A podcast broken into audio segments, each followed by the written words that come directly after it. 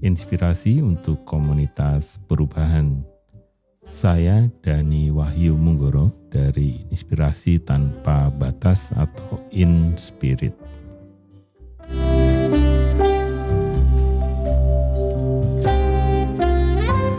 Saya akan berbagi sedikit tentang liberating structure.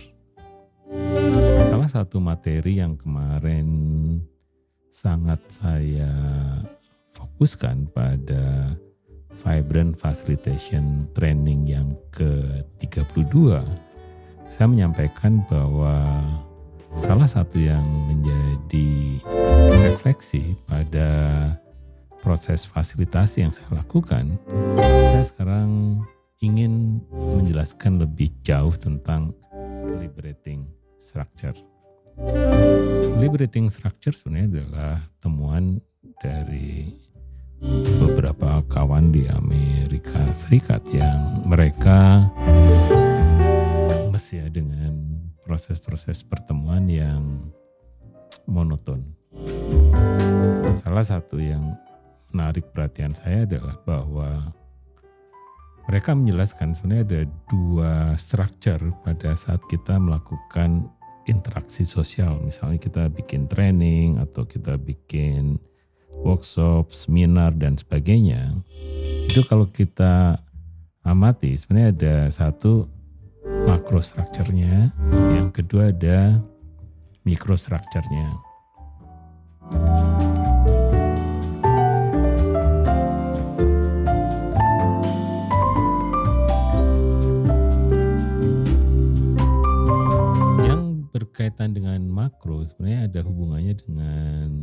misalnya yang kalau kita masuk gedung gitu ya gedung itu makro structure.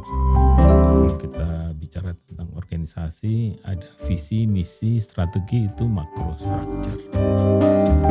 Ya, kalau kita bekerja dengan organisasi pemerintah ada kebijakan regulasi dan sebagainya itu juga disebut sebagai makro structure.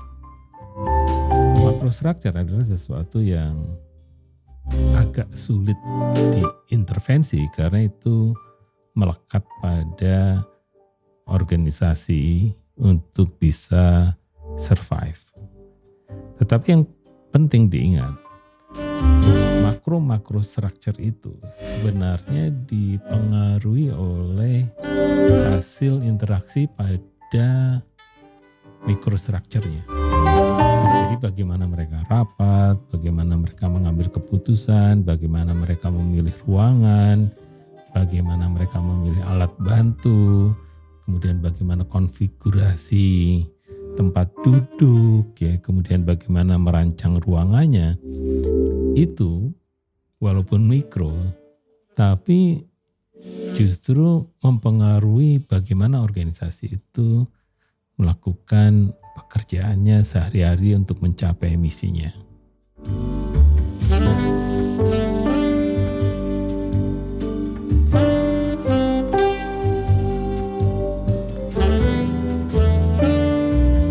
Nah, kalau kita ketahui bahwa banyak hal pada mulai dari rapat dan sebagainya itu sebenarnya mengikuti pola-pola lama pola-pola lama ini esensinya sebenarnya ingin mengontrol hasilnya.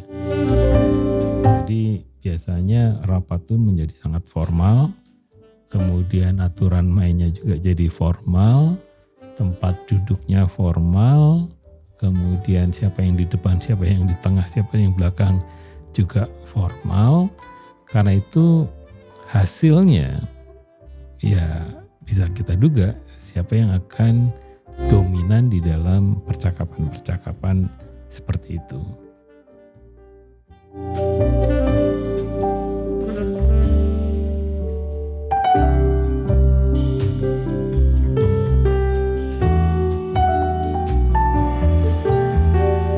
liberating structure, khususnya yang kaitannya dengan microstructure, menyatakan bahwa sebenarnya si microstructure-nya itu bisa di apa ya, ya di disrupsi gitu. Jadi bisa diganggu, bisa diubah-ubah, bisa dibuat aneh-aneh gitu.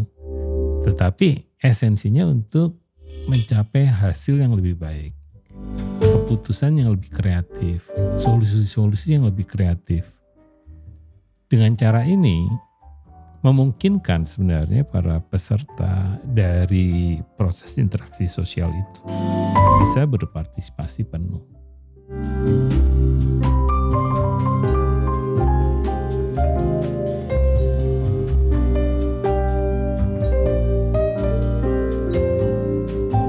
Jadi yang ingin saya sampaikan pada edisi kali ini, liberating structure tuh unsurnya ada yang pertama adalah undangan. Jadi undangan itu seorang fasilitator harus memberikan sejenis undangan dengan membuat pertanyaan. Nah, pertanyaan ini yang akan dipercakapkan pada interaksi sosial yang kita akan selenggarakan.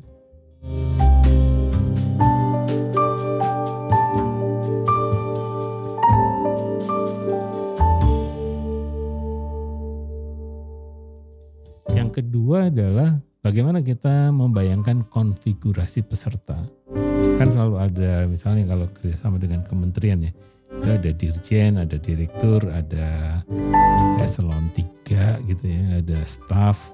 Nah itu komposisinya, konfigurasinya seperti apa gitu.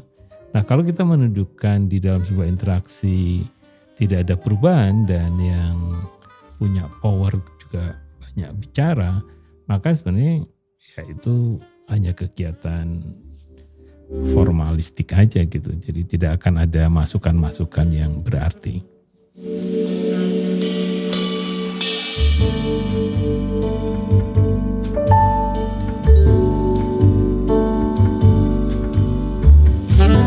Yang ketiga sebenarnya adalah bagaimana kita mendistribusikan peserta. Distribusi di sini adalah bagaimana peserta itu memiliki kuota untuk menyampaikan pikirannya. Kan itu berarti harus kita bayangkan kan. Kalau pesertanya 50, 100, 200, 400 atau 1000. Maka bagaimana kita memastikan bahwa peserta-peserta itu memiliki kesempatan untuk menyampaikan pendapatnya. Nah, di sini kalau tidak dilakukan perubahan di mikrostrukturnya itu seolah menjadi mustahil gitu. Nah yang lain kita ubah misalnya prosesnya. Pada sebuah pertemuan di kementerian itu pernah juga dicoba bagaimana menteri itu justru menyampaikannya bukan di opening. Dan kalau kita lihat di banyak di YouTube ya, itu kan acaranya selalu awal tuh ada pengantar atau sambutan gitu. Nah sambutan itu sebenarnya kadang seperti framing ya di framing itu menyebabkan kegiatan itu ya tergantung siapa yang punya power ya dia frame duluan.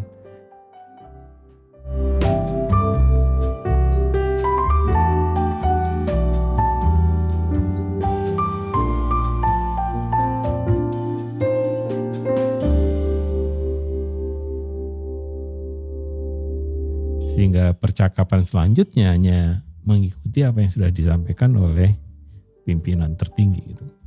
Nah, sedangkan di dalam liberating structure itu justru bisa dibalik, bisa dimulai dari para peserta dulu yang kemudian pada akhir proses itu menteri memberikan endorse atas apa yang sudah didiskusikan oleh para peserta itu baru-baru ini yang saya lakukan untuk beberapa kementerian dan menterinya bersedia untuk melakukan hal itu atau paling tidak para eselon satunya ya bersedia untuk mendengarkan hasil percakapan-percakapan yang yang telah digodok oleh para peserta. Sehingga peserta merasa bahwa acara itu miliknya dan kelak kalau para pimpinan itu memutuskan sesuatu ini yang menguntungkan para peserta merasa terlibat di dalam proses pengambilan keputusan itu. Jadi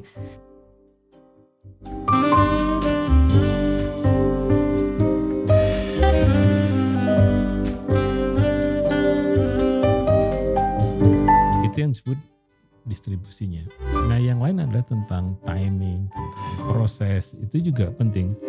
Salah satu andalan dari liberating structure adalah prosesnya bisa mulai dari dua orang, ya kemudian empat orang, kemudian enam atau delapan orang, kemudian baru dibagi di dalam pleno gitu. Jadi itu yang memastikan bahwa semua peserta akan terlibat.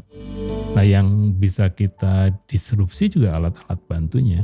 Ya alat-alat bantunya seperti slide atau slide-nya harus kita kurasi, kemudian juga teknologi proyektornya atau mau pakai LED atau pakai apa LCD proyektor itu juga harus dicek lumennya supaya kelihatan ya kadang sekarang saya di beberapa hotel itu LCD-nya katanya udah kada luar sehingga ya tidak ada gunanya karena kalau kita arahkan ke layar juga buram gitu. Jadi ini yang juga penting diperhatikan di dalam liberating structure.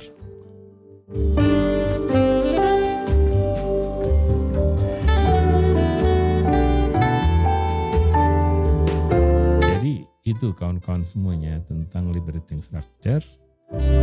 Jadi ini saja dari edisi ini koper kali ini.